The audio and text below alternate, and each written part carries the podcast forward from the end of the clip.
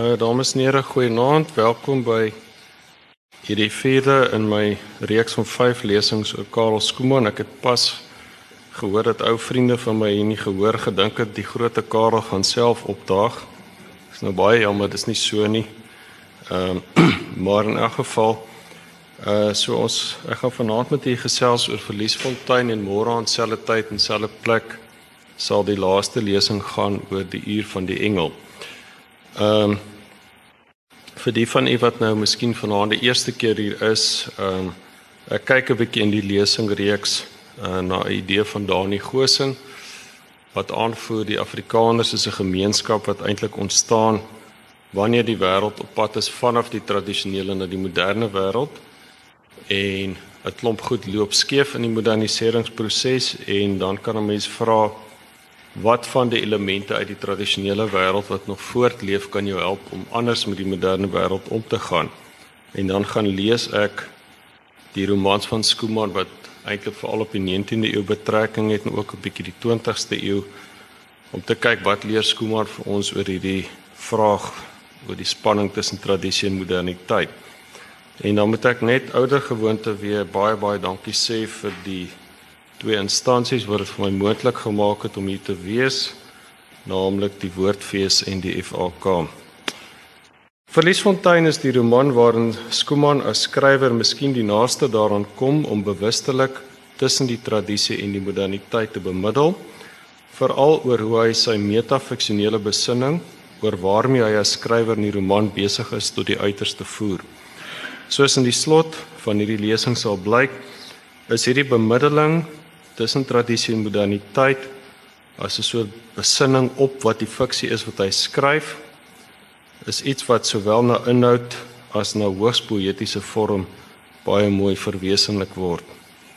Hier kan reeds aangedui word dat hy as skrywer 'n soort spiraalbeweging in die roman uitvoer waar volgens hy eindig waar hy begin het, maar die einde anders en meer as die begin is en wel omdat hy deur 'n verbeeldingryke invoelingsproses anders gemaak word deur dit wat hy verbeel en beskryf. Baie dit wat Skooman aan jou as leser doen. Die spiraalbeweging begin by die skrywersverteller en sy metgesel 'n fotograaf wat iewers in vermoedelik die Noord-Kaapse platland te vergeef soek na die dorp Foriesfontein. Spesifiek om die graf van 'n Noord-Kaapse rebel uit die Anglo-Boereoorlog Giel Forie te vind Wanneer die verteller eindig ten laaste uit pure radeloosheid in die omgewing waar die verlore dorp moet wees, die veld begin instap, is dit asof hy soos 'n spook op die rand van 'n ander wêreld beland waar hy asof deur 'n deur glas 'n dorp met ongeïdentifiseerde karakters en hul onverklaarde handelinge waarneem. Vervolgens, deur 'n proses van stilswygende luisterende verbeelding, kry hy toegang tot die dorp, welke toegang aan hom en die leser verleen word deur die stemme van drie karakters wat hulle ten tye van die dorp se besetting deur 'n Vrystaatse boerekommando in 1901 op die dorp bevind het. Deur die vertellings van onderskeidelik die dogter van die dorp se Skotse magistraat, Alice McAllister, die magistraatsklerk Callie Kleinhans en die suster van die dorp se dokter, Miss Godby, word perspektiewe op die impak van die oorlog op die dorp gegee. Ten slotte eindig die roman waar die verteller met 'n laaste metafiksionele besinning sin probeer maak van 'n platlandse oorloggetuisterde wêreld tussen tradisie en moderniteit 'n eeu gelede. Ons begin dan afdeling 1 deel 1 van die verteller. Soos reeds hierbo aangedui is die verteller vergesel van 'n fotograaf besig met 'n geskiedkundige boek waarin die dood van die jong Afrikaner rebel Giel Fourie 'n belangrike verwysing is. Ondanks die feit dat die verteller waarskynlik groter geesdre vir die projek as die fotograaf Eddie het, blyk dit nietemin in van die rare inligting oor die verteller self dat hy aan die begin van die roman in vele opsigte tipies modern is. 'n Redelik individualistiese stadsmens vir wie die platteland nou een te veel begin raak. Verdere toeligting oor die verteller se binnegesprek dui daarop dat hy verval het in 'n uitsigloosheid iets waarvan hy ironies genoeg bewus word wanneer hy kyk vir die uitsig van die vir hom troostelose landskap en plotseling 'n onverklaarbare visioen van 'n groep ruiters het. Worstelend met sy frustrasie en uitsigloosheid kom die eerste wending nietemin na die visioen van die ruiters by hom wanneer hy besef dat 'n ander manier van kyk en luister nodig sal wees as wat hy tot dusver beoefen het. Wat die manier, ander manier van kyk en luister behels, word kort voor lank duidelik. Wanneer Eddie die motor tot stilstand bring, verlaat die verteller die motor en begin die veld instap in 'n daad van oorgawe aan die landskap, soortgelyk aan waarmee versluis aan die einde van 'n ander land eindig, of skoon die verteller se oorgawe hier nog baie onbewus en onbedoeld is. Dan kom 'n oomblik waar hy huiwer tussen terugkeer na die motor en nader gaan aan die dorp wat hy as ware met die mistiese sig van die verbeelding sien. Ondanks die feit dat hy kies om nader aan die dorp te gaan, as ware die bewuste hede vir die onbewuste mistiese verlede agter te laat, moet hy na 'n aantal waarnemings in die dorp konstateer dat sy toegang tot die dorp nog beperk is, dat iets omkeer, dat hy as lewende skielik soos 'n spook onder die lewende dooies is. Sy nuut verworwe spookagtige waarnemerskap word toegelig. Van die beperkings van die liggaam skyn hy egter onthef te wees, onsigbaar vir diegene wat rakelings aan hom verbygaan en onhoorbaar vir diegene wat hy aanroep. Voedsel en drank, slaap en rus skyn eweneens as nie essensiële sake op sy gesit te wees ten einde om vry te laat vir die taak waarvoor hy hier gekom het. Die opdrag wat blyk veel verder te strek as wat hy ooit kon vermoed toe hy dit oorspronklik in 'n heel ander konteks en op heel ander voorwaardes aanvaar het. Soos die hoofkarakter in verkenning moet die verteller hier dus besef dat die opdrag wat hy aanvaar het veel meer behels en hom op 'n veel dieper vlak betrek as wat hy besef het. Ironies genoeg verkry hy in sy nuut verworwe onsekere tussentoestand groter sekerheid in sy soektog na Foriesfontein as toe hy nog in die seker wêreld van die lewendes daarna gesoek het. Hy kyk na die deur met sy klinknaels en breë planke waar die roesbruin verf begin splinter en afskilfer. Die uitgebuitelde sluitsteen met die monogram VR 1883 en die hoë blinde muur van bewerkte klip. Dit is dus inderdaad Foriesfontein lei hy af, want op verskeie opskrifte word die naam vermeld en onder die grootste en mees opsigtige stene lê lede van die familie Forie begrawe. Die vroegste sterfdatum is bovendien ook 1883 die datum op die sluitsteen van die gevangenes wat ook die stigtingsjaar van die dorp moet wees. Geen sterfjaar merk hy egter is later as 1900 nie en die oorlogsgraf wat hy soek is ook nie hier nie. Sy nuutgevonde sekerheid te midde van die lewende dooies lei hom tot 'n volgende verblydende ontdekking, naamlik dat hy skielik die getuie is van die jonger rebel Giel Fourie se begrafnis. Soos wat hy die groep mense vergaar om die graf sien, sien hy egter verbaas dat dit nie die blanke dorpsbewoners is soos hy haas outomaties aangeneem het nie, dog bruin mense.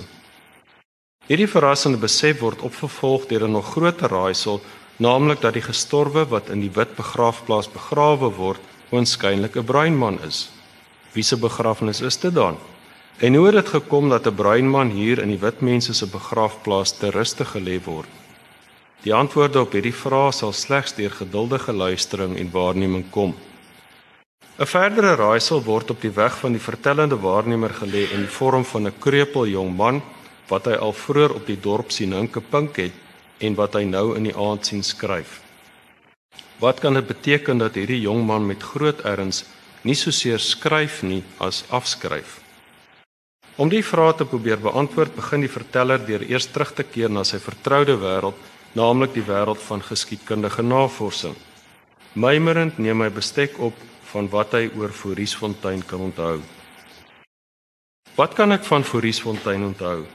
Die magistraat wat uitwyk na Beaufort Wes, die besetting deur 'n Vrystaatse komando oor 'n tydperk van etlike weke, die haastige ontruiming toe die Britse bevelvoerders voldoende herstel om 'n ontsettingsmag van Maatjiesfontein uit te stuur en die onbesliste skermutseling by Vaalberg pas op pad na die dorp wat deur albei kante sonder groot oortuiging as 'n oorwinning geëien is. 'n Garnisoen op die dorp met doringdraad en 'n verskansing van sinkplate en sandsakke op die dorpsplein, Defence Works at Foriesfontein CC en dolende kommandos wat onbelemmerd van plaas na plaas in die distrik bly rondtrek. According to the latest reports received via Fraserburg, the Free State Commando, whose ranks have been swelled by a number of rebels from Fourisfontein, 'n handjievol onduidelike aantekeninge, koerantberigte, fotos en feite kan ek onthou. En verder moet ek improviseer in die sekerheid dat die gebeure van krygstyd nie beduidend van die een dorpie na die ander verskil het nie. Roggeveld, Handam, Namakwaland of Boesmanland, van Reinstorp of Victoria Wes, Voorriesburg, Vryserburg of Sutherland. Vervolgens gee die verteller ook verdere toelichting oor die gestorwe jong Afrikaner rebel Giel Fourie terwyl hy in dieselfde asem top oor hoe die tragiese sterfte getakseer moet word. Dit is die oorval op die Britse ontsettingsmag wat hier uitstaan en vir my belangrik was, wat belangrik is. Die skermutseling waarna daar in oorlogsgeskiedenisse soms in die verbygaan verwys word as die slag van Vaalberg pas en soms ook die slag van Fouriesfontein. Die verdrewe komando wat hulle so goed moontlik red in die rande 'n oranje kokarde of vierkleur strikkie tussen die klippe en bossies dog belangrik vir wie die slag van Fouriesfontein of Vaalbergpas in waaiende stofwolke verdwyn die groepie oor die duining van die veld om 'n legende te word met jong Gerardus Michael Fourie agtergelaat in die stof gesneuwel vir volk en vaderland alhoewel dit streng gesproke nog sy volk nog sy vaderland was want hy was 'n kolonialer, 'n boerling van Fouriesfontein waar die dorp op sy grootvader se plaas uitgelê is. Belangrik dis vir wie. Mettertyd sal dit blyk dat die belang van Giel se Fourie se lewe en dood onlosmaaklik is van die van die ander rebel in die roman Adam Bali. Op 'n romantiese toon wat iets van die verteller se heimlike heimlike hinkering na 'n ander vervloë wêreld laat deurskemer, gaan hy voort om die ateljeeportret wat van Giel Fourie geneem is te beskryf. Waar die jong Giel Fourie wat as ware gesterf het nog voor hy sy verstand kon kry, simpatiek verstaan kan word as 'n romantiese jong idealis wat nog iets van die tradisiese deugde van durf en eer beliggaam, kan dieselfde nie gesê word van die destydse dorpspredikant Dominee J.J.G. Broodryk nie, wat verantwoordelik was vir die oprigting van Giel se grafsteen.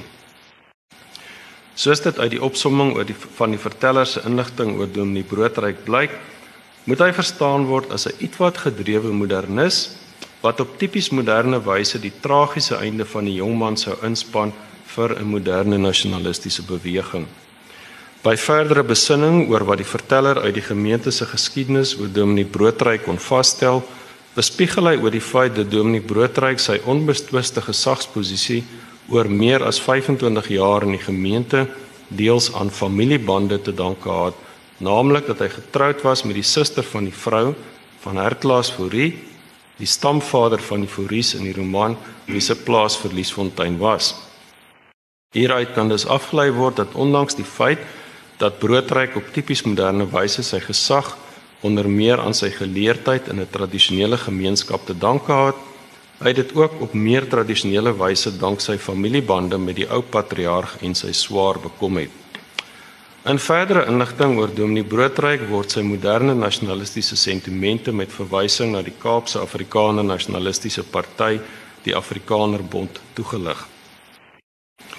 In 'n verdere besinning oor Dominee Broodryk skets die verteller 'n beeld van Fouriesfontein as 'n baie tradisionele gemeenskap waarin 'n belangrike feit vermeld word naamlik dat die egpaar Broodryk kinderloos was. Kan dit wees dat Dominee Broodryk die pynlike gebrek van kinderloosheid in 'n tradisionele wêreld probeer verwerk het deur die nagedagtenis van sy swaar se kleinseun modernisties toe te eien vir 'n politieke saak? Dit is inderdaad die afleiding wat die verteller maak wanneer hy berig oor hoe Dominee Broodryk nie net verantwoordelik was vir die oprigting van Giel se grafsteen met die instemming van Giel se moeder en teen die wense van Giel se vader nie, maar ook verantwoordelik vir 'n Anglo-Boereoorlog gedenkteken op die dorp wat aan Giel se dood en graf verbind word. Ondanks die mate van sekerheid wat geskiedkundige kennis vir die verteller bring, moet hy nietemin erken dat ook dit sy grense het. Watter ondubbelsinnige bewys is daar dat Dominee Broodryk die stiekrag was agter die oprigting van die steen soos ek beweer? dat dit deur hom was dat berigte oor die oprigting aan die Kaapse koerante deurgestuur is dat dit sy eie begeerte was om sy redevoering in druk te sien en hy self vir die publikasie daarvan betaal het daar bestaan geen bewys hoe genaamd nie jy raai gis vermoed en maak afleidings en jou gewisse stellings berus ten slotte op kreatiewe inlewing en intuïsie waaraan daar meestal nie dieselfde gewig toegeken word as aan onweerlegbare feite nie. Tussen die strepe en kolle, die dwarrelende sterre reën oor die doek, kan daardie regop swart figuur in die verte nie eers meer uitgemaak word nie. Mettertyd sal dit hieronder blyk dat waar die geskiedskrywing op sy grense stuit, die inluisterende skryf van fiksie gedra deur die verbeelding verder gaan. Ondanks die feit dat die verteller Dominee Broodryk voorstel as 'n wilsmatige, gedrewe modernis, bevind hy in sy bestekopname oor die ontvangsgeskiedenis van Giel se grafsteen dat in die oorgang van tradisie na moderniteit die gestorwe jongman se dood 'n eie lewe binne die moderne nasionalistiese instrumentalisering van sy dood verkry. Tog ook dit was nie die einde nie.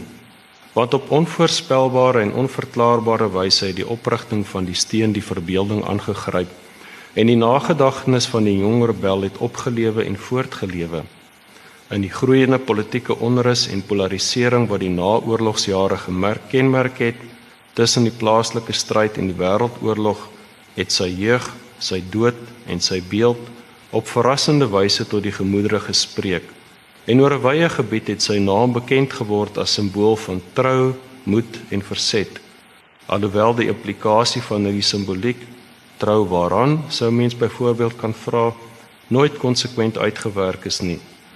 In die skielike geweld van die rebellie, toe daar ook uit die distrik Fouriesfontein 'n aantal boere te perd vertrek het om by Marits in Duits-Wes-Afrika te gaan aansluit, het sy naam en verwysings na sy gewelddadige dood in toesprake en manifeste voorgekom. Aangrypend en opruiend soos 'n vaandel of die openingsakkoorde van 'n ou volkslied. Teen die 30er jare het kransleggings by sy graf gebruiklik geword en met die Ossewaard trek was dit naas die oorlogsgedenkteken voor die kerk 'n middelpunt vir byeenkomste waar ook die plaaslike predikant soveelste opvolger van die inmiddels oorlede dominee Broodryk opgetree het gedurende die nuwe wêreldoorlog wat gevolg het, het die groot wit grafsteen tot 'n soort lokale brandpunt ontwikkel. En eers teen die 50er jare, toe alles geleidelik begin verander, selfs op Fouriesfontein in sy isolasie en in die ander klein gemeenskappe wat dit omring, het dit sy eertydse betekenis verloor as deel van die stadige maar onkeerbare proses waardeur alles uiteindelik onherkenbaar sou raak. Die stadige onherkenbare proses waaroor die verteller dit hier het, dra teen die agtergrond van die oorgang van tradisie na moderniteit 'n eie ironie in die sin dat die aanvanklike sentiment oor Giel se dood ongetwyfeld gedra is deur persoonlike herinneringe aan en mondelinge oorlewering oor hom. Maar soos wat daardie geïsoleerde tradisionele wêreld uiteindelik verswelg is deur die moderne territoriale staat wat die Afrikaners na die nasionale party oorwinning in 1948 omhels het, het die tradisionele bronne waaruit die herdenking van Giel gevoed is, drooggeloop. Dis op hierdie punt van die roman wat die grense van geskiedskrywing agtergelaat word. Ten gunste van die verdere reis en meerder insig wat kom met inluisterende fiksie gedra deur die verbeelding. Hoe dit die verteller omvorm hoe dit die verteller op laas met 'n omweg deur die tradisie met ander oë na die moderniteit laat kyk, sal in die slotafdeling hieronder behandel word. Vereers word nou stil gestaan by die eerste van die drie stemme wat hiervandaan aan die woord kom, naamlik die stem van Alice McAllister, dogter van die Skotse magistraat op Fouriesfontein ten tye van die oorlog. Al drie die karakters wat as stemme die verlede onthou, bevind hulle tussen die tradisie en die moderniteit. Van die drie is alles besmoontlik die een wat van meet af die naaste aan die moderniteit gestaan het, synde die dogter van 'n Skotse magistraat. Die kontras tussen die moderne industriële wêreld waarin sy reminisceer en die tradisionele wêreld waaroor sy reminisceer, word duidelik wanneer sy aan die woord kom vroeg in die roman. Dit word so vroeg reeds donker 4uur, 5uur in die middag. Die vuur is aangesteek, die ligte word aangeskakel en die reën waai teen die ruitte.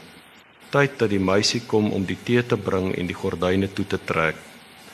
Nog altyd kan ek nie daaraan gewoond raak dat dit so vroeg donker word nie. Vroeger het die son altyd geskyn. Altyd was daar sonskyn, lig, hitte, gloed. O, seker nie altyd nie, nie letterlik nie. Dit is onmoontlik. Maar dit is wat ek van al daardie jare onthou wanneer ek terugdink. My kinderjare, my jeug, die lig en die hitte en die stof as ons met perdekarre uitry na een of ander plaas. Die tuin en vader se rose en water wat blink in die dammetjie en die lei voor. Die blink modderwater in die plaasdamme. Die wilgebome met takke wat in die water hang. Die vrugtebome, die vrye bome langs die voor, die kweeperheining om ons tuin. Almal het mekaar geken, almal het oor en weer gekuier. En natuurlik is ons oral heen genooi, is ek oral heen genooi.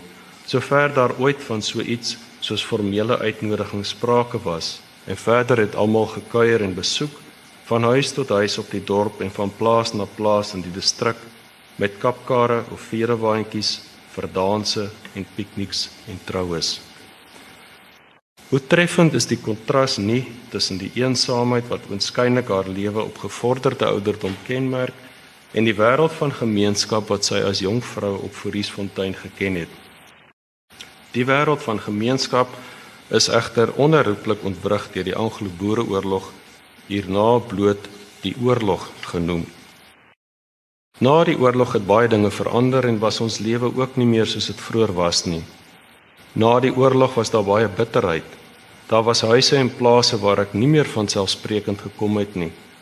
Plekke of geleenthede waarin ons net omredes Vader se posisie nog uitgenooi is en ander weer waar ons om dieselfde rede juis nie meer genooi is nie. In die tradisionele wêreld van Foriesfontein waarin sy na haar moeder se dood by haar vader en sy suster Ontespel groot geword het, was hy egter nie gevrywaar van die rasseverdelingslyne wat die wêreld reeds van vroeg af gekenmerk het soos reeds gebleik het uit die behandeling van die vorige 3 romans die vorige aande nie. Ek het met die ander kinders gespeel of die met wie ek toegelaat is om te speel want ek was die magistraat se dogter en sy het my nie toegelaat om dit te vergeet nie. Sommige van die kinders in die skool het nooit by ons aan huis gekom nie en breinkinders natuurlik ook nie Ironies genoeg was dit die Hollands wat sy as kind geleer het wat aan haar toegang tot die tradisionele wêreld van gemeenskap gegee het en waarvan die verlies gepaard gaan met haar vergeet van die Hollands. Alice rapporteer dan ook dat die Engelse opvoeding wat sy in huis by die twee skotte ontvang het, daartoe bygedra het dat sy altyd as ware in 'n virtuele klein Skotland gewoon het en nooit heeltemal in Foriesfontein se tradisionele gemeenskap kon tuiskom nie. 'n Verdere faktor wat daartoe bygedra het dat Alice ondanks die tradisionele omgewing buite hul huis steeds van vroeg af gemoderniseer is, is die feit dat sy binne haar huis groot geword het en geleef het in die grafosfeer, sfeer waar kulturele oordrag deur die gedrukte woord geskied. Die prente, die boeke, die gedigte, die liedere, die briewe wat met die poskar kom, maande lank onderweg, die koerante en tydskrifte wat na ons uitgestuur is, die geskenke, die blikke met brosbrood en lekker goed, die huislinne en klere wat van winkels in Edinburgh bestel is. In dieselfde voege het hulle selfs op die klein dorpie iets geken van 'n ontluikende moderne sosiale burgerlike lewe. Soos hy vertel, was daar baie jong mense. Ons het in hierdie of daardie huis bymekaar gekom en musiek gemaak of speletjies gespeel, charades opgevoer, gedans. Daar was konserte, soms 'n toneelopvoering, 'n debatsvereniging, 'n biblioteekie. En dan verwys hy ook na 'n ander tipies moderne kommunikasiemiddel in die rol wat dit in hulle lewens ten tye van die oorlog en haar vader se afwesigheid omdat hy vir die Vrystaatse besetters moes vlug gespeel het. Ont Ishbel het in hierdie tyd nie eers gaan slaap nie, weet ek, maar opgebly om die nuus te hoor wanneer Mr Savage met die jongste telegramme kom en vir hom en vir vader tee maak. Ondanks die afstand wat die moderniserende Alice met haar tradisionele omgewing aangevoel het, blyk dit dat sy danksy die wederwysige aantrekking tussen haar en Giel dalk 'n lewe saam met hom kon verbeel en so nader aan haar tradisionele omgewing sou leef. Om mee te begin, gee sy blyke daarvan dat sy en Giel op sy 21ste verjaardagparty intiem met mekaar was sonder dat hierdie intimiteit nader beskryf word. Voorts en op dieselfde tradisionele wyse wat Afrikaner huwelike soms eerder tussen families as tussen individue gesluit is, soos vroeër die week met verwysing na Jakob en Sofie, as ook Maans en Stinie in hierdie lewe gesien is, laat Alice by die leser 'n suggestie dat sy kort na Giel se verjaardagviering as ware deur twee matriarge van sy wêreld as moontlike bruid vir hom oorweeg is. Na by die einde van haar vertelling waarin sy ook uitvoerig verwys het na die pyn van uitsluiting uit die voorheen geliefde tradisionele wêreld van die Afrikaners om haar uitsluiting as gevolg van die naderdraai van die oorlog getuig alles op tipies moderne wyse hoe sy inderwaarheid die verlede aktief probeer vergeet het. Eendag in daardie tyd na die oorlog het ek in my kamer gaan sit met my fotoalbums en die fotos en kiekies en ek het al die fotos opgeskeur waar hulle op staan. Die rebelle en verraaiers, die mense wat ons nie meer groet nie, die mense in wie se huise ons nie meer kom nie. Maar toe ek so begin, het ek van besluit verander en uiteindelik het ek al daardie fotos verskeur en Jakob geroep om dit te kom haal en dit in die tuin te verbrand en te vernietig asof dit alles nooit gebeur het nie. Beter om te vergeet en uit te wis en aan te gaan. Wat help dit om al hierdie dinge met jou saam te dra om later weer op te rakel en te onthou? Maar nee, dit moet later gewees het. Toe Vader oorgeplaas is van Foriesfontein en ons ons gereed maak om op te pak en te gaan. Dis toe dat ek al daardie fotos en kiekies vernietig het. Die ironie is natuurlik dat haar modernistiese poging om die verlede wilsmatig te vergeet deur die materiële spore van die verlede in die vorm van ou fotos uit te wys, misluk. Want hier sit sy na al die dekades nog oor daardie vervloë wêreld in 'n verre land en mymer. Een van die redes vir die mislukking van haar poging tot aktiewe vergeet blyk te wees die mate waartoe Foriesfontein die gelukkige wêreld van 'n tradisionele gemeenskap wat sy eens geken het, 'n onuitwisbare spoor op haar lewe gelaat het.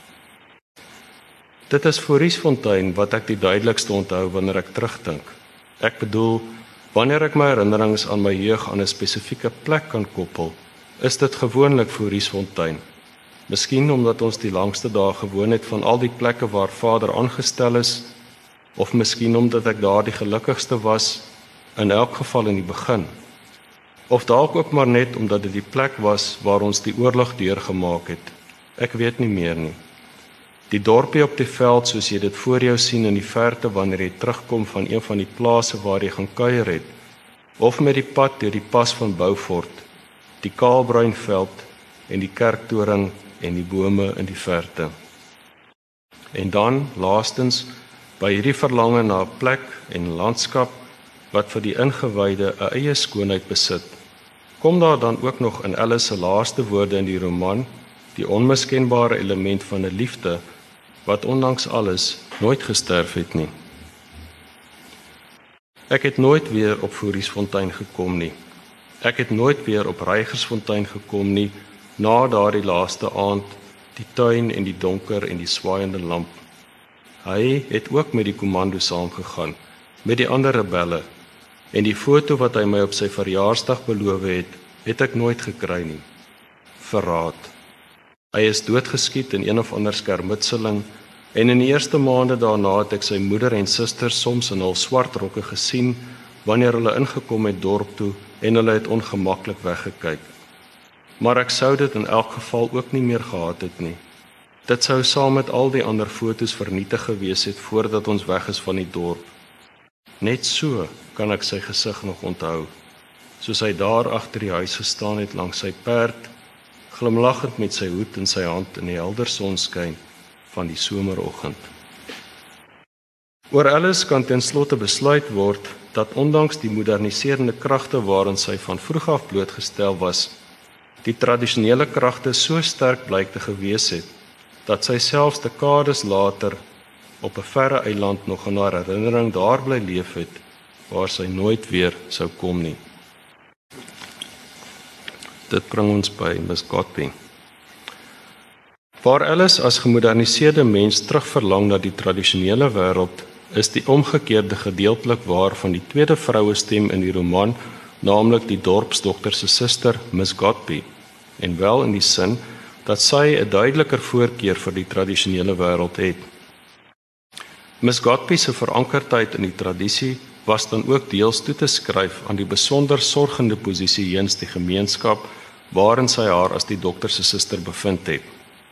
Anders as enige van die ander karakters in die roman, het sy dus 'n unieke blik op die gemeenskap in die wye sin van die woord oor grense heen. Op 'n heel ontroerende wyse som sy nie net haar ervaring van die gemeenskap se wel en wee op nie, maar ook die goeie uiteinde daarvan vir haar. So leer mens 'n klein dorpie en 'n klein gemeenskapie ken. Die predikant en sy vrou, die dokter en sy suster en doen algaande steeds groter kennis op meer as wat enige buitestander ooit sou kan vermoed.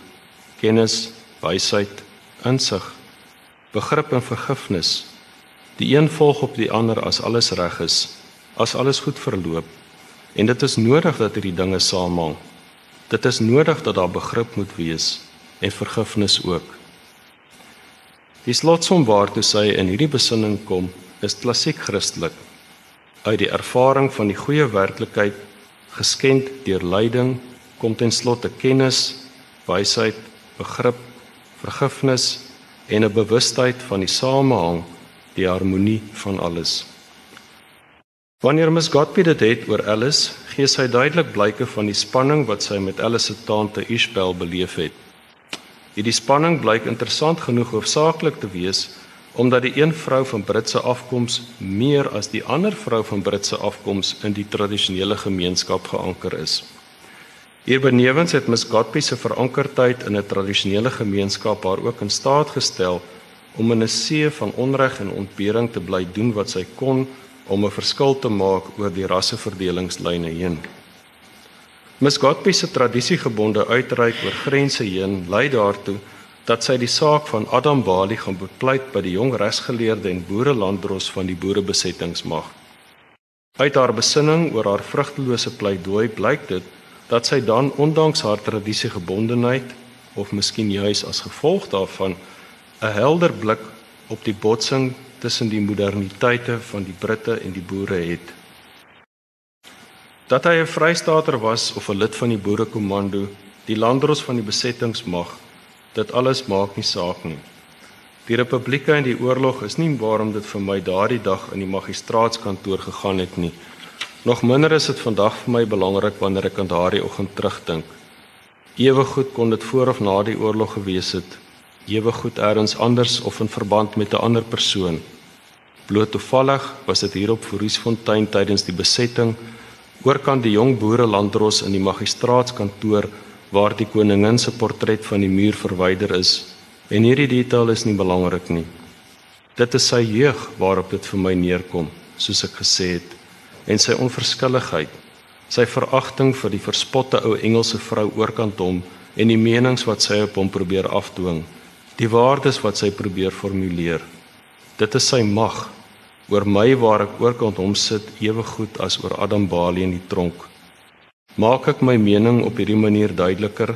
Waarskynlik nie, vrees ek. Ten slotte is dit vir my 'n kwessie van mag, sou ek sê.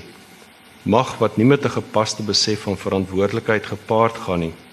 Mag wat sonder wig of teenwig uitgeoefen word, sonder 'n stelsel van waardes wat dit sou kon rig of beheer en sodoende onvermydelik misbruik word. Dit is wat ek met boosheid bedoel of met duisternis. Wanneer ek die groot en gelaaide woorde gebruik mag wat op onverantwoordelike wyse uitgeoefen word misbruik word met die doel om te vernietig of te verwoes. In haar kritiek op die boerelanddrosse magsmisbruik beroep sy haar op 'n tipies moderne kode die beperking van mag wat nog iets van die tradisiese ou sin vir grense behou het Dit is na verdere besinning oor haar mislukking om die boerelanddros tot ander insigte oor Adam Bali te bring wat Miss Godby terselfdertyd op bykans musikale wyse die snydende kontrapunt van die roman tussen die dood van die twee rebelle verwoord. Die Forisiën is doodgeskiet in die skermutseling by die ingang van die pas. Jong Giel Forie wat sy verjaarsdag gevier het net voordat die boere die dorp beset het en saam met die komando weg is. Hy is na donker ingebring dorp toe en deur die soldate begrawe. Adam Bale het die boere met hulle probeer saamneem toe hulle die dorp omtruim, maar hy was te ernstig beseer om te kan loop en hy is toe doodgeskiet in die bloekomplantasie naby die plek waar hy kamp gestaan het. Deur wie of op wie se gesag is na my wete nooit vasgestel nie. Ek het niks vir hom gedoen nie, niks bereik nie. Op baie soortgelyke wyse as vir Ellis beleef mis Godby die naderdraai van die oorlog ook as een wat die einde aan 'n wêreld van gemeenskap bring. In mis Godby se geval nog meer bepaald as die ontbinding van die klein Engelse gemeenskapie waartoe sy op Foriesfontein behoort het. So min mense het oorgebly dat dit uiteindelik ook nie meer vir 'n predikant die moeite werd was om die hele end van Beaufort Wes oor te kom nie. Die kerk het dus leeg gestaan en ek het die sleutels gekry om te bewaar en gesorg dat dit van tyd tot tyd uitgevee en die erf geskoffel word. Daar was 'n handjie vol Engelse wat ek nie goed geken het nie of anders nuwe intrekkers, mense wat nie gebly het nie. Uiteindelik was dit net Mrs Campbell en ek wat nog oor was. Wie sou kon dink dat juis ons die laaste oorblywende sou wees? Drywend, fladderend, dobberend deur die dorp, kringend om die huis terwyl sy al hoe dringender na my roep om die deur vir haar te kom oopmaak en haar binne te laat. 'n Leë kerkie wat sy nog dank sy herinneringe onderhou, staan dus as simbool van nog 'n tradisionele wêreld wat deur die opkomende moderne kragte uit die pad gevee is dan ook met betrekking tot die gemeenskap oor grense heen wat sy met die bruimense beleef het registreer Miss Godby 'n onherroepelike verlies nie net tussen die bruimense en die boere en hul ondersteuners het die verwydering sigbaar geword en tot bitterheid of uitgesproke vyandigheid uitgegroei nie net dit nie maar tussen hulle en ons Engelssprekendes het daar ewe goed verwydering gekom Ons wat hulle tog altyd goedgesind was en hulle probeer help het. Wat bemoedig en belangstel, opgehef en ondersteun het. Of is die belangstelling en bemoediging miskien as neerbuigend ervaar? Was die goedgesindheid aan ons kant vir hulle dalk krenkend? Was die verwydering tussen hulle en ons miskien ook altyd daar gewees en wou ons dit net nie raak sien of erken nie totdat die oorlog dit onder ons aandag dwing? Ek weet nie. Nou eers kom die vraag by my op en ek het geen antwoord nie. Oor en weer loop die doringdraad, mens van mens geskei en verdeel in hierdie onverzoenbare land. Die tradisiegebonde Misgodby se slotbesinning staan as kontrapunt teenoor die gemoderniseerde Alice se poging tot aktiewe vergeet. Want Misgodby probeer nie eens om te vergeet nie en weet trouens dat dit selfs nie wenslik is nie. Tog, wat bedoel ek met regstel? Wat bedoel ek met troos? Watter regstelling of vertroosting is moontlik? Vergifnis kan miskien nog geskenk word, maar dit is nie moontlik om te vergeet nie. En al genees die wonde, bly die littekens onuitwisbaar. Wat gebeur het, bly staan onwrikbaar en onherroepelik, soos doringdraad loop dit deur jou herinnerings. Die stof en die perde en die jong ruiters met volstruisvere op hul hoede en die meisies met gekleurde linte en Charles Kleinhans op sy knie in die stof in sy swart pak en die jong man met sy glimlaggende afwesige hoflikheid agter die lesenaar en Adam Bali ten slotte dood op die grond in die bloekomplantasie. Sy vrou het aangegaan om haar met haar was en strykwerk te onderhou. Maar na die oorlog was daar mense op die dorp wat haar nie meer werk wou gee nie en ander weer vir wie sy self nie meer bereid was om te werk nie alhoewel daar nooit uitdruklik iets hieroor gesê is nie. Daar was 'n paar van ons wat haar van tyd tot tyd gehelp het sover dit vir ons doenlik was en 'n paar jaar later is sy weer getroud. Niemand het ooit oor Adam Bali gepraat nie. Bruin mense of wit mense. In elk geval nie in my teenwoordigheid nie. En dit was asof hy vergeet is, net dat dit nie moontlik is om te vergeet nie, soos ek sê.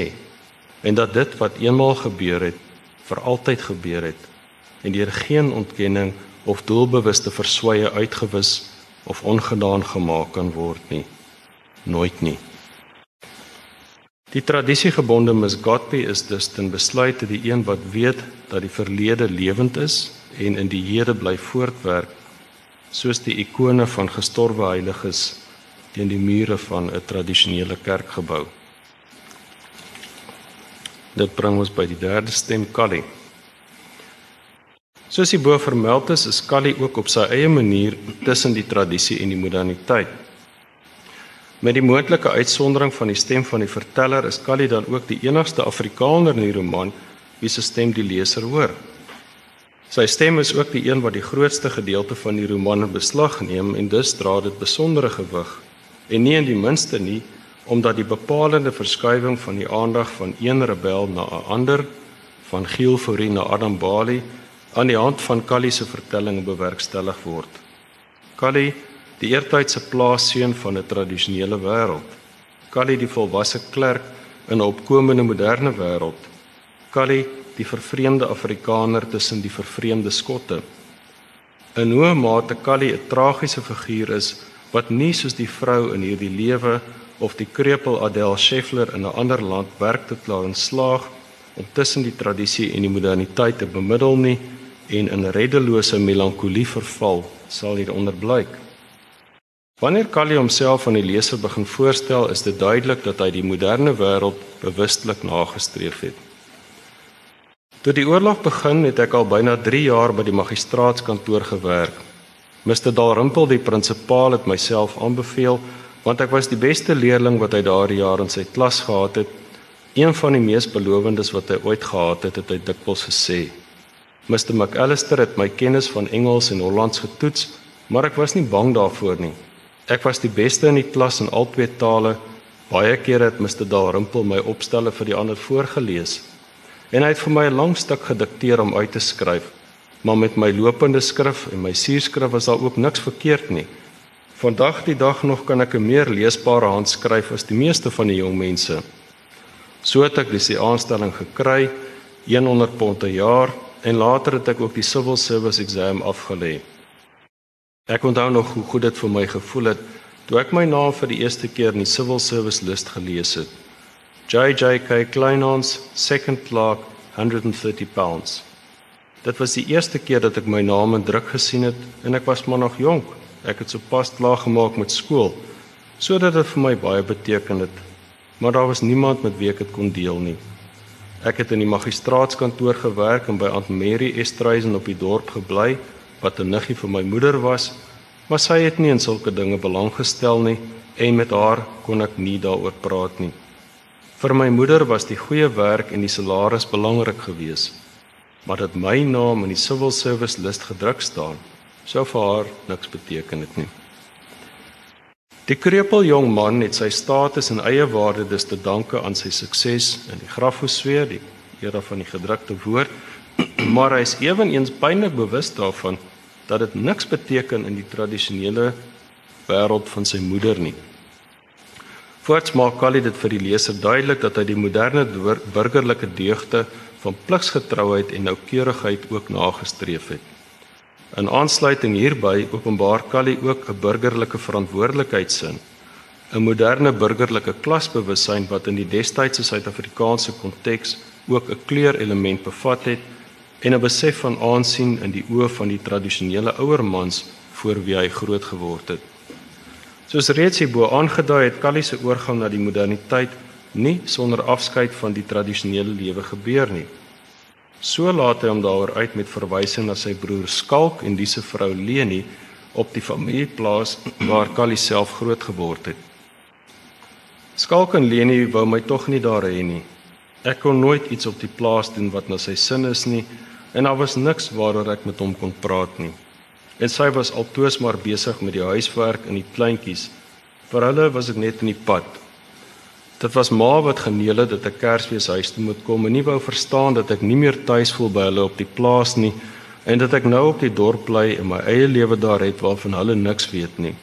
Met my werk by die magistraatskantoor in my kamer by Aunt Mary met die boekrak wat ek vir my laat maak het en die groot tafel waar ek kon sit en werk en die parafienlamp alles presies na my sin.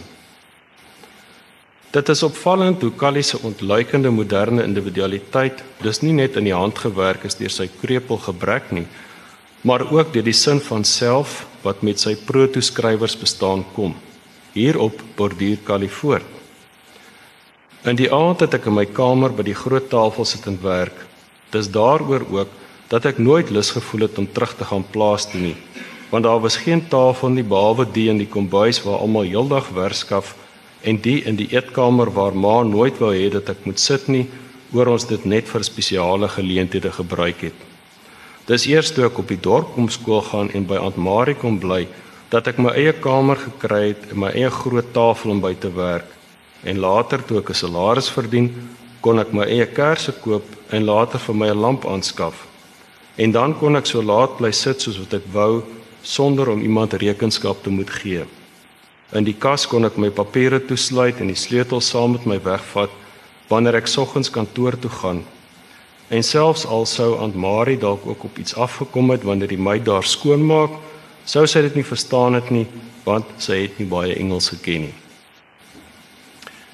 In vergelyking met die vrou van hierdie lewe wat self skeef aangekyk is op die dorp omdat sy gelees het, self kortstondig probeer skryf het en lewenslank gewroeg het oor die geheime kleinode van aandenking wat sy in die ringmuur versteek het, is Callie al heelwat verder op die kontinuum van tradisie na moderniteit gevorder. Hy beskik oor die luukse van geheime wat agter slot gesluit kan word. Maar hy is die een vir wie die vertroude plaasgeleide steurend is, in teenstelling met die vrou van hierdie lewe vir wie hierdie geluide op haar sterfbed vertroostend en gerusstellend is. Dieselfde dubbelsinnigheid by Callie blyk ook ten opsigte van die rol wat boeke in sy lewe gespeel het. Aan die een kant het dit vir hom 'n nuwe wêreld geopen. Aan die ander het dit hom van sy broer skalk en die se tradisionele wêreld vervreem. Callie se eie waarde en moderne sin van self het dan ook, soos reeds vermeld, gespruit uit die skryfwerk waarmee hy hom besig gehou het. So beskryf hy dit. In die jare toe ek nog op skool was, het ek saans meestal huiswerk gedoen en my met skoolwerk besig gehou of gelees. En ek onthou dat ek ook begin het om Latyn te leer uit 'n boek wat ek by Mr. Dalrymple geleen het. Want Latyn was nie onder die vakke wat ons op skool geleer het nie. En hy het eendag gesê elke gentleman behoort Latyn te ken. In Engeland is dit in elk geval so. Dit was later eers dat ek begin skryf het, toe ek my eie geld verdien en kon bekostig om papier te koop. Want watter skryfpapier het ek voor daardie tyd ooit gehad behalwe my oefeningboeke op skool? En net af en toe het ek 'n bladsy uitgeskeur om self te gebruik. Mooi netjies sodat Mr Dalrymple dit nie sal merk nie. By ons in die huis was daar egter nooit skryfpapier gewees nie, want niemand het ooit nodig gehad om briewe te skryf nie en by Aunt Marie ewe min. En eers toe ek begin werk en geld kon spaar, het dit moontlik geword om papier te koop. Dit was dan wat my elke aand besig gehou het. Dikwels tot laat in die nag, want ek het nooit baie slaap nodig gehad nie. Ek kon werk so lank soos ek wou. Die feit dat hy onder invloed van sy Engelse skoolmeester ook Latyn geleer het, op grond van die feit dat die moderne Engelse gentleman dit doen, is dan ook tekenend van die analoë koloniale moderniteit wat Callie beoefen het, hoewel dit hier op Engeland as koloniale model in plaas van op Nederland gerig was soos in verkenning byvoorbeeld en hy al veel meer en hy al veel meer van 'n gevormde Afrikaner as die proto-Afrikaners van Kaapstad en Stellenbosch was wat na Nederland opgekyk het. Wat is dit dan wat Callie met soveel toewyding aand na aand geskryf het? 'n Eerste bykans terloopse leidraad word vir die leser gegee wanneer Callie dit op analoë koloniaal moderne trant dit het oor sy aspirasie tot lidmaatskap van die moderne Engelse burgerlike kring op die dorp met die besoekende Engelse predikant as die model waarna hy naas Mr McAllister opgekyk het. Dit was die jong predikant wat ek bedoel, Mr Haig Wood, wat self uit Engeland gekom het en by een van hulle groot universiteite gestudeer het. En met hom het ek geweet dat ek sou kan praat oor my skryfwerk en my epitome en wat dit is wat ek doen of probeer doen en hy sou verstaan en dalk nog vir my leiding of raad kan gee. Wat Callie se epitome behels het blyk uit verdere toelichting wat hy daaroor gee. Daar was soveel wat ek wou sê, soveel dinge waaroor ek by myself nagedink het en waaroor ek wou skryf. Maar as ek moet gaan sit voor die skoon papier, dan het dit nie gehelp nie om sommer uit my kop 'n storie of selfs 'n essay te skryf. Dit was iets wat ek nie kon regkry nie. Al het ek in daardie tyd op skool dikwels verlang om dit te kan doen en dikwels genoeg probeer. Dit was ook toe dat ek met my epitome begin het, in die tyd toe ek by die magistraatskantoor begin werk het en nie meer huiswerk gehad het om in die aand te doen nie. Want die aande was partykeer baie lank waar ek alleen in my kamer sit en lees en ek wou my graag besig hou en ook iets doen. As ek nie self kon skryf nie, het ek by myself gedink, kon ek ten minste bymekaar maak wat ander mense geskryf het en wat ek self gelees het aand na aand in my kamer. Al daardie kennis, al daardie wysheid sou ek bymekaar maak en opteken en bewaar vir myself in eerste instansie natuurlik, maar wie weet, dalk ook vir ander mense wat daarby baat sou kan vind, nes ek. Kali se epitoom was dus 'n versameling van ander skrywers se kennis en wysheid. Anders as in die tradisie en die logosfeer, die era van mondelinge oordrag, waar kennis en wysheid dit is wat ons self kan memoriseer, volg Kalle hier die tipies moderne siening van kennis en wysheid as dit wat gepubliseer is en wat as ware namens ons deur boeke onthou word. Nietemin blyk dit dat Kalle in die allerbelangrikste kriterium van moderne skrywerskap, naamlik oorspronklikheid, gefaal het. Want die afdeling met sy eie gedagtes oor dit wat hy in die eerste deel van die epitome versamel het, voorlopig getitel Reflections, kon hy nooit skryf nie. Ondanks die mate waartoe Kalium suksesvol in die moderniteit tuisgemaak het, blyk dit mettertyd dat hy as krepeel ontwrigte in 'n wêreld van fisieke tradisionele mans ook helaas nooit werklik in die moderniteit tuiskom nie. So besin hy oor sy herinnering aan die oggend wat Alice terugkeer van Giel Fourie se 21ste verjaardagviering, waarna hy self nie uitgenooi was nie, al was hy en Giel saam op skool. Dit was vroegoggend, baie vroeg, want Aunt Marie was nog nie op en niemand het geroer nie, net na sonop. En ek het op die stoep gestaan en die verewaandjie gehoor. Siekies asof hulle algaar moeg is. Die mense in die perde wat terugkom van Reigersfontein. Maar van agter die rankplante op die stoep kon ek in die stilte die gekraak van die kar en die gerinkel van die harnas hoor soos hulle by die straat afkom vlak langs die huis verby en voor Mr. McAllister se huis stilhou. Niemand was nog op nie. Daar was niemand wat my kon sien nie. Ek het afgegaan in die tuin agter die sonneblomme en die sipresbome in die heining van Aunt Marie se huis. En ek het al stemme gehoor soos hulle van mekaar afskeid neem in die vere waantjie wat by die straat af verder ry. Daar was niemand anders nie. Ek het tot vlak by die heining gegaan, langs die draad wat voor die huis gespan was sodat ek die leestraat kon sien en die son wat opkom by die huise oorkant. En tussen die bome en die takke van die tuin kon ek Miss Alice se helder rok sien, soos sy by die tuinpaadjie opstap met haar kop gebo. Die helderheid van haar rok tussen die groen en die stilte van die vroeë oggend kort na sonop waar ons twee alleen was, asof dit gister was. Kyk na my. Luister na my. Ek het ook eens gelewe. Dit blyk ook dat Kali ondanks sy volgehoue moderniseringspoging ook nie die tradisionele plaaswêreld van sy jeug volledig kan vergeet nie. Wat het van die plaas geword? En wie bly vandag daar? Dis lank gelede. Daar's baie dinge wat ek al vergeet het. Die kraal onthou ek nog en die dorsvloer in die dam, die kombuis met die hert, die kerslig saans, maar wat die brood sny en partykeer vir ons konfyt opsmeer my en Skalk en Adam elkeen is ny. Reeds in daardie verlore plaas wêreld van sy jeug het die breuk tussen tradisie en moderniteit dan ook gemanifesteer as opkomende breuk tussen Callie en sy broer Skalk wat groot gemaak is om as boer by hulle pa oor te neem. Ironies genoeg verkeer Callie van kindsbeen af in die teenoorgestelde verhouding met sy pa se werker Jan Bali se seun Adam.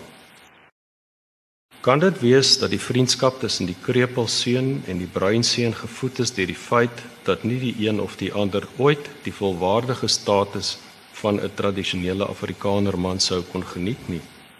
Dit wil so voorkom nes dit blyk dat op basis van hulle vriendskap in 'n tradisionele wêreld wat 'n belemmering op hulle geplaas het, Kali ook die rol van bemiddelaar met die moderniteit vir Adam speel spesifiek deur Adam te leer skryf en lees, somme maak en meer. Callie se toetrede tot die moderniteit is byna verydel omdat sy vader aanvanklik geweier het dat hy hoërskool toe gaan. Maar dit blyk dat die moderne geleerde dom die broodryk Callie se toetrede tot die moderniteit help verseël het. Toe het ou Dominee Broodryk eendag uitgery plaas toe en lank met pa in die voorhuis gepraat. Meestal kon ek net Dominee se stem hoor sonder om te kan uitmaak wat hy sê. Sy stem kom mens maklik uitken, maar toe was dit 'n tyd lank stil. Ek het in die gang bly staan sonder om te roer, bang dat iemand sal uitkom en my daar betrap. En die perde voor die huis het met hul pote gekap waar hulle wag en toe na 'n tyd hoor ek pa se stem in die stilte.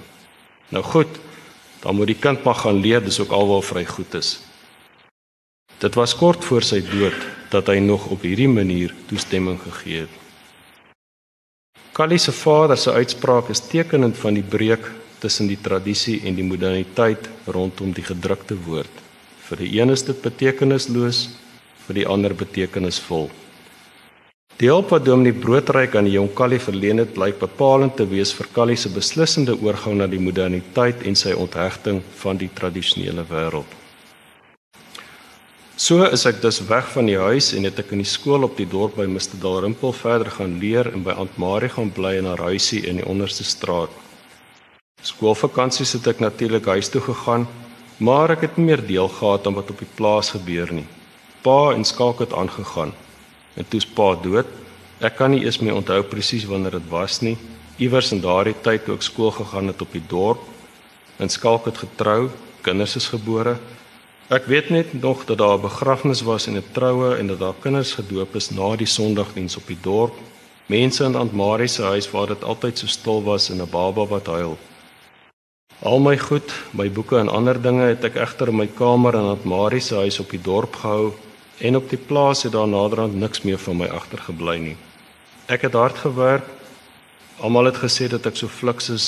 Die ander kinders het altyd gesê ek is slim. Slim Callie het hulle vir my gesê. Callie kop. Ek het pryse gewen. Ek het dit nog hier iewers tussen my goed. Boeke waar Mr. Dalrymple my naam voorin geskryf het. JJK Kleinhans Public School for Riesfontein First Prize for English 25th November 1896. Die hulp wat Callie aan sy kindervriend Adam Bali gegee het met geleerdheid blyk deurslaggewend te wees in Adam se eie oorgang na die moderniteit via verdere geleerdheid.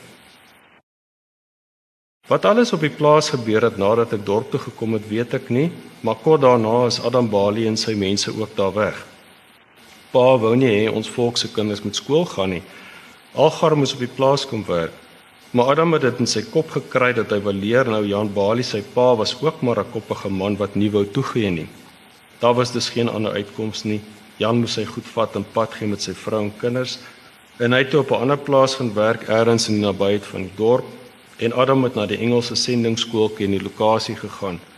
Dit was toe die ou Engelse predikant nog op die dorp gebly het en Mr. Timmoney daar onderwys gegee.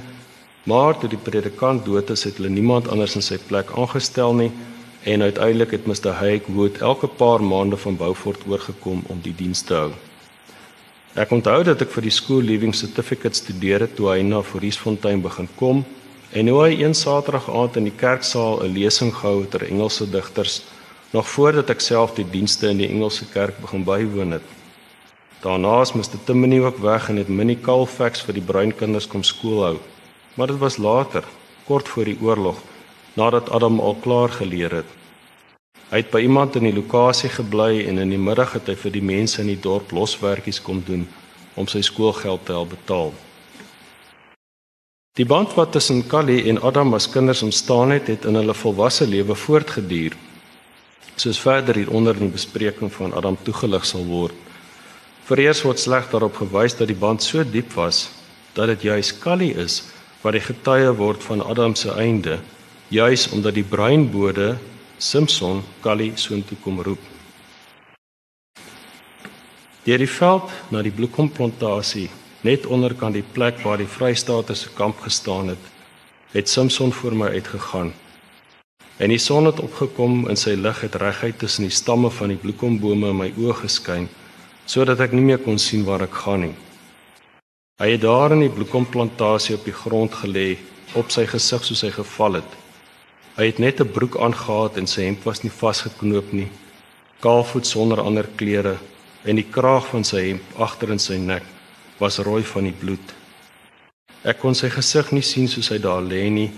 Daar was niks waarin ek hom sou kan uitken nie. Maar Samson het vir my gesê dit is Adam Bali wat deur die boere hier doodgeskiet is voordat hulle weg is uit die dorp en ek het geen rede gehad om die lijk aan te raak of te probeer omdraai nie. Uiteindelik gaan woon Kali na die oorlog gebou Fort Wes wat dan die dorp is waarvandaan hy sy reminiscensies en mymeringe met die leser deel. Hy beken dat hy reeds na skool gedroom het daaroor om Kaapstad toe te gaan en die see te sien. In die opsig is hy dus ook opgeneem in die tipies moderne verruiling van die plaas of die dorp met die stad as die gesogte ruimte. Nes Stini in hierdie lewe. Maar op laas bly Callie se verlange onbeantwoord. Later, nadat Mr. McAllister weg is, toe hy oorgeplaas is, het ek ook van Foriesfontein weggegaan.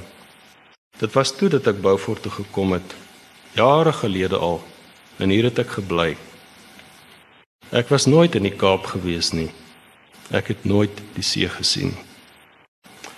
Hiermee kan nou oorgegaan word na die ander rebel in die roman en teenhanger van Kali in die oorgang van tradisie na moderniteit, naamlik Adam Bali.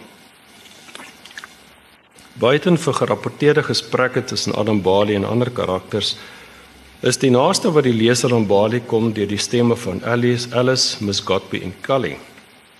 Die tradisionele misgatbe gee blyke van die beperkings waaronder Bali en sy mense gebuk gegaan het.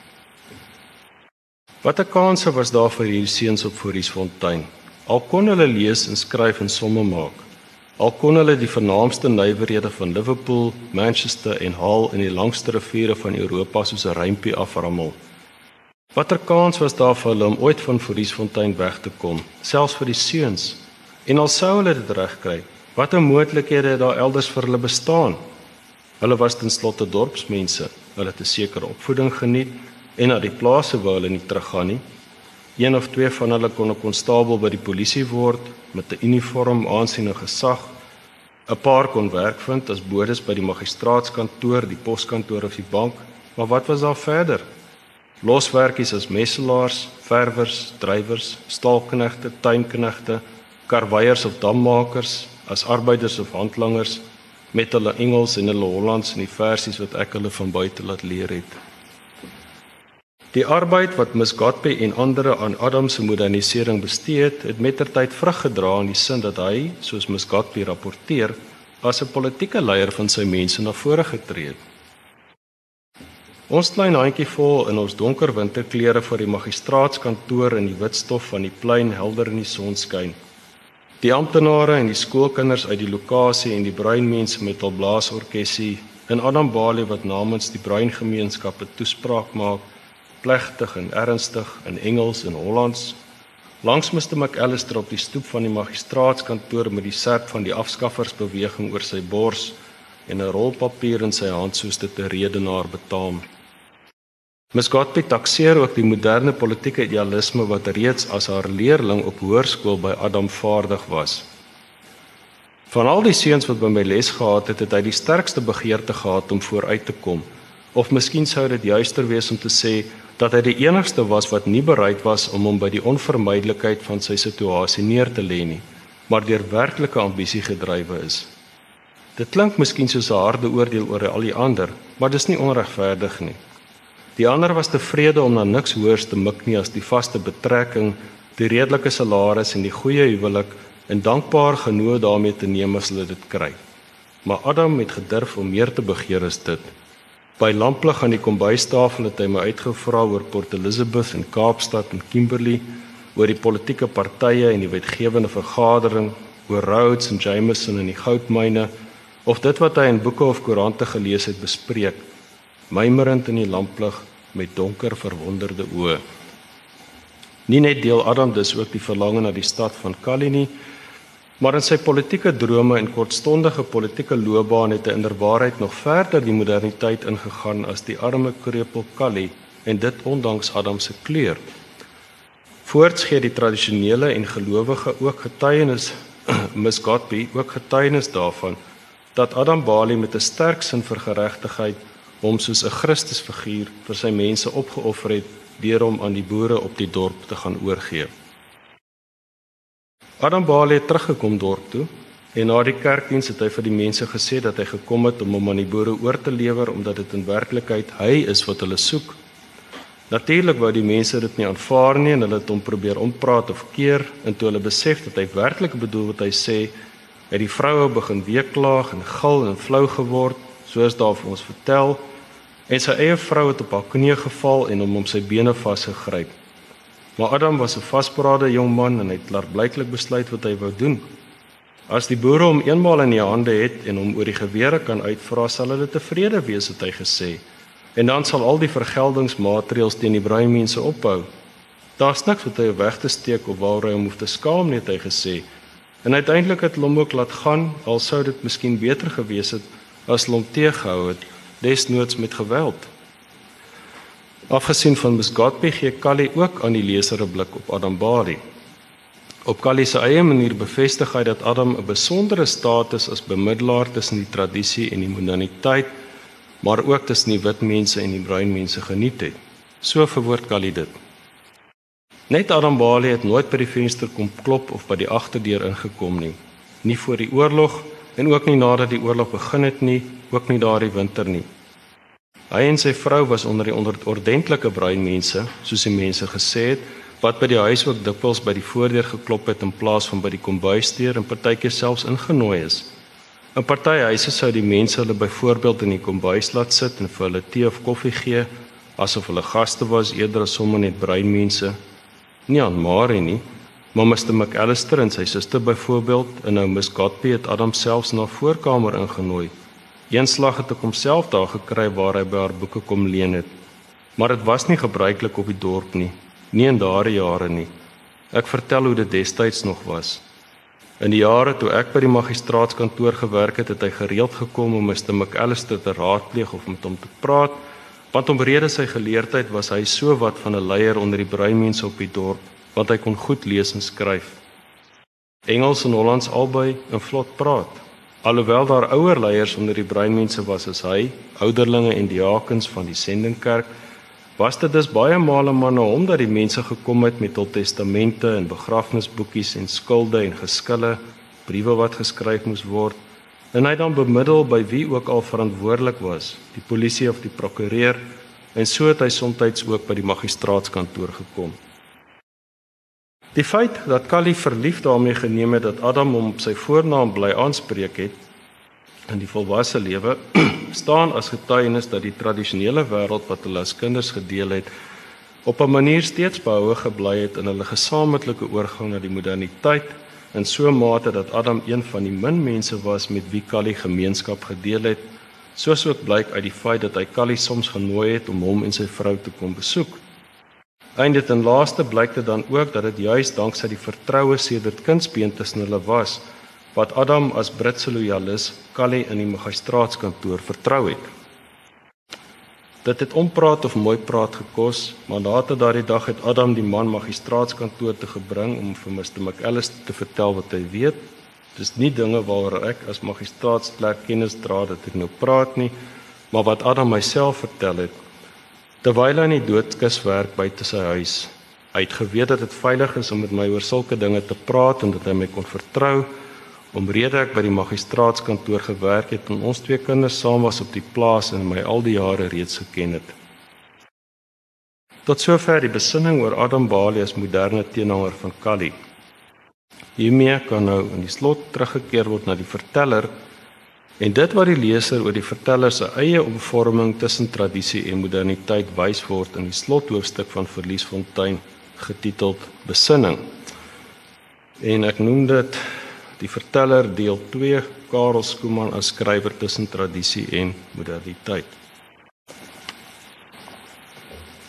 Om mee te begin word die leser in die afdeling teruggevoer na die moderne hede waarin Skuman die skrywer homself op meer regstreekse wyse as in enige van die ander romans in hierdie lesingreeks onder bespreking aan die woord stel. Die stemme word stil en sterf uiteindelik weg.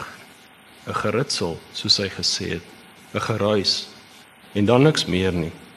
Nou is dit my beurt. Nou moet ek self verder praat en die mom van anonimiteit gedeeltelik of volsla, hoef nie langer volgehou te word nie. Ten slotte is dit tog erns nie 'n maskerspel of speelietjie nie. Wie sou skryf as speelietjie of ydelle tydverdryf beskou? Vervolgens vra hy homself af wat hy met al die fiktiewe gegevens van die roman moet doen. En kom hy tot die besluit dat dit werkliker as die werklikheid self is. Besmoontlik in die sin dat fiksie verder gaan waar die geskiedenis op sy grense stuit soos hierbo aangevoer is. Die stemme het stil geword en daar is geen leiding meer nie. Niks meer waaraan jy jou sou kan rig nie. Wat moet mens aanvang met hierdie versameling brokstukke en fragmente, onsamehangend soos die toevallige sameraapsel van skenkings en bemakings in die vertoonkas van 'n dorpsmuseum? Is dit werklikheid hierdie of versinsel? Werklikheid moet dit by implikasie wees, want fiksie sou gladder afgerond wees en meer oortuigend aangebied met minder herhalings en interne weersprekings. Tog, wat moet mens daarmee aanvang? Die vraag is egter retories hier op die verlate markplein van Foriesfontein. Die vraag is akademies en verkieslik aan akademici indien so genee hulle daaraan wy, dog later eers en elders. Vereers is daar slegs die plein, die nag en die maanlig. Die onmiddellike gegewe wat gepaste aandag moet geniet. In die verlenging van hierdie gedagtegang oor die werklikheid as geskiedenis teenoor die werklikheid as fiksie, gaan hy voort om die geskiedkundige en die fiktiewe in 'n gedeelde waarheid teenoor mekaar te stel. Die gedenkteken wat nog nie opgerig is nie, sal ook nooit opgerig word nie. Want die wêreld waarin ek my bevind het sy eie kronologie en sy eie onverbiddelike logika. Dit is die somer van 1901 Hier waar ek op die verlate markplein staan en die strate leeg uitstrek in die maanlig. President Steyn is met sy burgers in die veld, voortvlugtig met 'n wetse komando. Rhodes lewe teruggetrokke in groot skuur en droom sy duistere drome. President Kreer is 'n balling in Nederland en die bejaarde koningin Victoria lê op sterwe. Dit is Foriesfontein en 'n invallende Vrystaatse komando het die dorp beset beplan die besetting of is op die oomblik besig om dit binne te trek afwisselend of selfs gelyktydig na gelang van die posisie waarin die waarnemer hom op 'n gegeewe oomblik bevind die hoek waaruit hy waarneem en bovenal sy ontvanklikheid vir wat besig is om te gebeur. Dit lei hom daartoe om 'n ongehoorde en uiters seldsame beskrywing van sy skepingsmetode sy ars poetica te gee Oefening waar kuns en die vaardighede van verkenning word maklik aangeleer, des te meer wanneer mens op so 'n bevoordeelde wyse deur die mantel van onsigbaarheid beskerm word. Doch die volgende stap is meer waghalsig. Balanserend met ingehoue asem soos 'n koorddanser, sal ek my in die teenwoordigheid van die mense begewe waar hulle om die tafel aansit of in die sitkamer bymekaar gekom het. Tussen die stoele, die suurtafeltjies en die potplante waar hulle in die beknopte ruimte saam lag en gesels en koppies aangee, sal ek beweeg in die roekelose vertroue dat my onsigbaarheid gehandhaaf sal word. Gepanser deur die sekerheid dat geen onbedagte beweging 'n portret of ornamentjie sal omstamp om my te verraai. Geen skielike dansende skadu deur daglig of lamplig op die muur gewerp sal word om die aandag op my aanwesigheid te vestig nie. Dit is die hoogste kuns tussen die mense en so naby dat ek die geur van tabak, sigaarrook, laventelwater, seep, leer, perde of sweet kan ruik, al na gelang van die geval. Die plooie en krekels in die klere kan uitmaak, die rafeling van 'n boortjie of die handskoen wat al langs die wysvinger lostrek. So naby dat ek die effense aarzeling of die flits van waaksaamheid of bedreigdheid kan waarneem waarvan niemand in die geselskap bewus is nie en die skielike opwelling van nait, angs of toorn kan merk in die ondeelbare oomblik voordat dit onderdruk word. Ek kyk op en sien die kamer weer kaats word in die spieël wat bo die skoorsteenmantel hang, die muurpapier en gordyne, die vrouens met hul hoede, die mans in donker pakke. 'n Byeenkoms by die Rikpies miskien, die sitkamer van Ms Godby se huisie of dalk die woning van die magistraat want nog is dit vir my nie duidelik nie. Myself sien ek egter nie. Wat hy hier beskryf is 'n estetiese weergawe van die Griekse woord waarmee die tradisie Christus se lediging van homself aan die kruis beskryf. Skuman se kenosis. Maar waar daar aan Christus se kenosis geen grense is nie, omdat die grens van alle grense die grens tussen God en mens op beslissende toekomsgerigte oorskry het, is daar perke aan die verlede gerigte kenosis van die skrywer Skuman.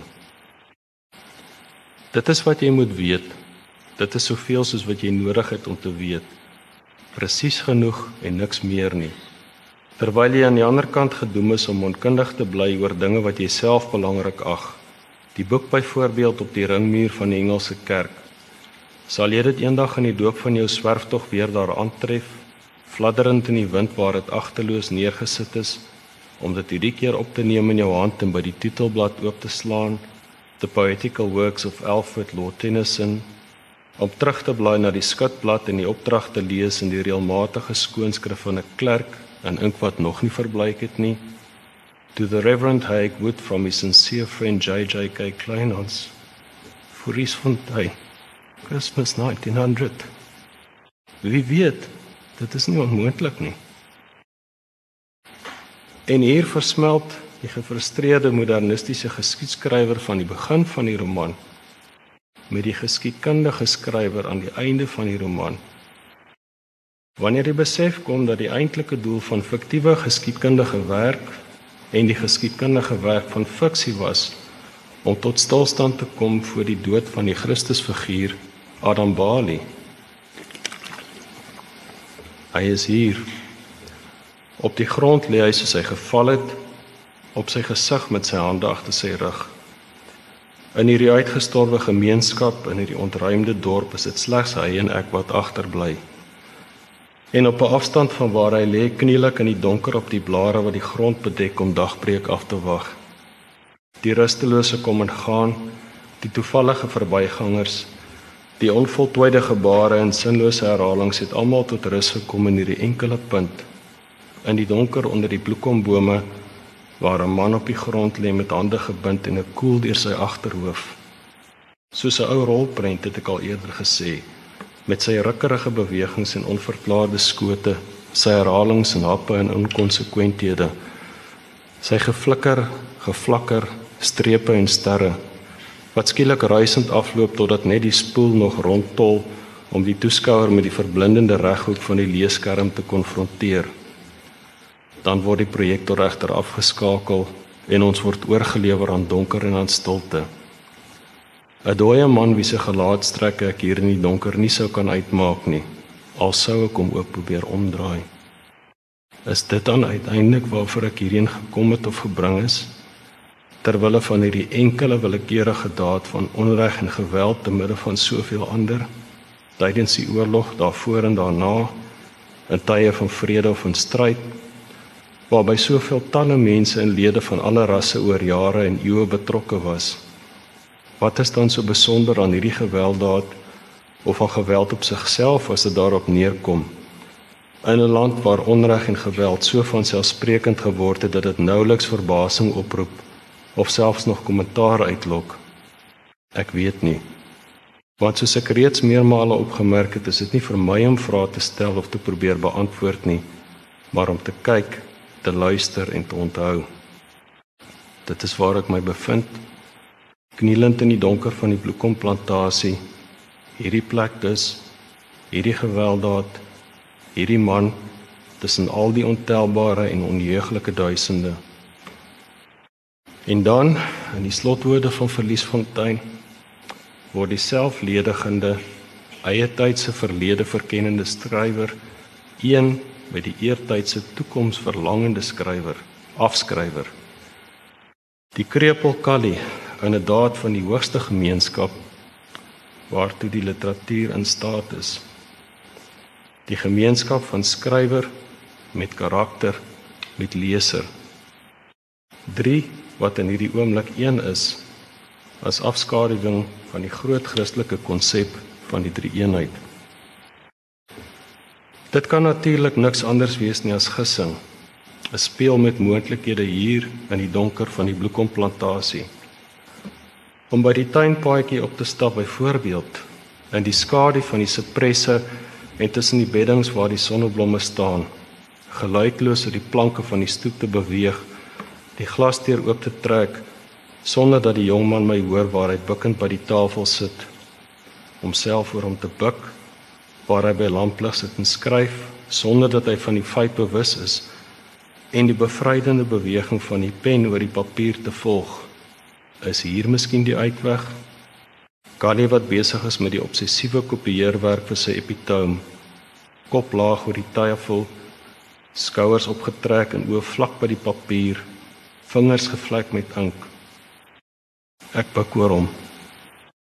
Sy skouer teen my bors sy bewegende elmboog teen my liggaam, sy hare teen my wang, aarzelend. Want na soveel tyd is ek nog steeds onseker hoe ver dit moontlik is om te gaan en hoe ver ek my kan waag. Aarzelend sit ek my vingerpunte liggies op die rug van sy bewegende hand soos op 'n plansjet. Sonder dat hy van die las bewus is, strek ek my hand uit om sy skrywende hand te bedek sonder dat die beweging van die pen oor die papier daardie vertraag word. Wanneer hy sy hand oplig om die pen weer in die ink te doop, dra hy my hand saam. Saam ervat ons dan die taak. Saam voer ons daardie bevrydende beweging uit waarmee die letters en die woorde gevorm word op die papier. Sy hand wat die pen vashou onder myne, asof dit ek is wat dit voortbeweeg terwyl ek my asem ophou en steeds nie weet hoe ver dit moontlik is om te gaan nie. En dan dit is sinlose bespiegeling want wat in hierdie wêreld gebeur staan nie onder my beheer nie. En dan as hy dan opkyk, as hy my aankyk in my gesig en my oë, nie verskrik of verras nie, maar asof hy my verwag het. Asof hy geweet het dat ek sal kom of altyd geweet het ek is daar. Wie kan sê? Dit is dagbreek. Die skynsel van die lamp op die tafel reeds vaal in die groeiende oggend. Ek gaan uit deur die glasdeur sonder om dit agter my toe te trek, uit deur die tuin sonder om hekkie agter my toe te maak, deur die leë strate van die dorp in die kleurloosheid van vroegoggend en teen die heuwelhelling op. Die taak voltooi, die opdrag volvoer.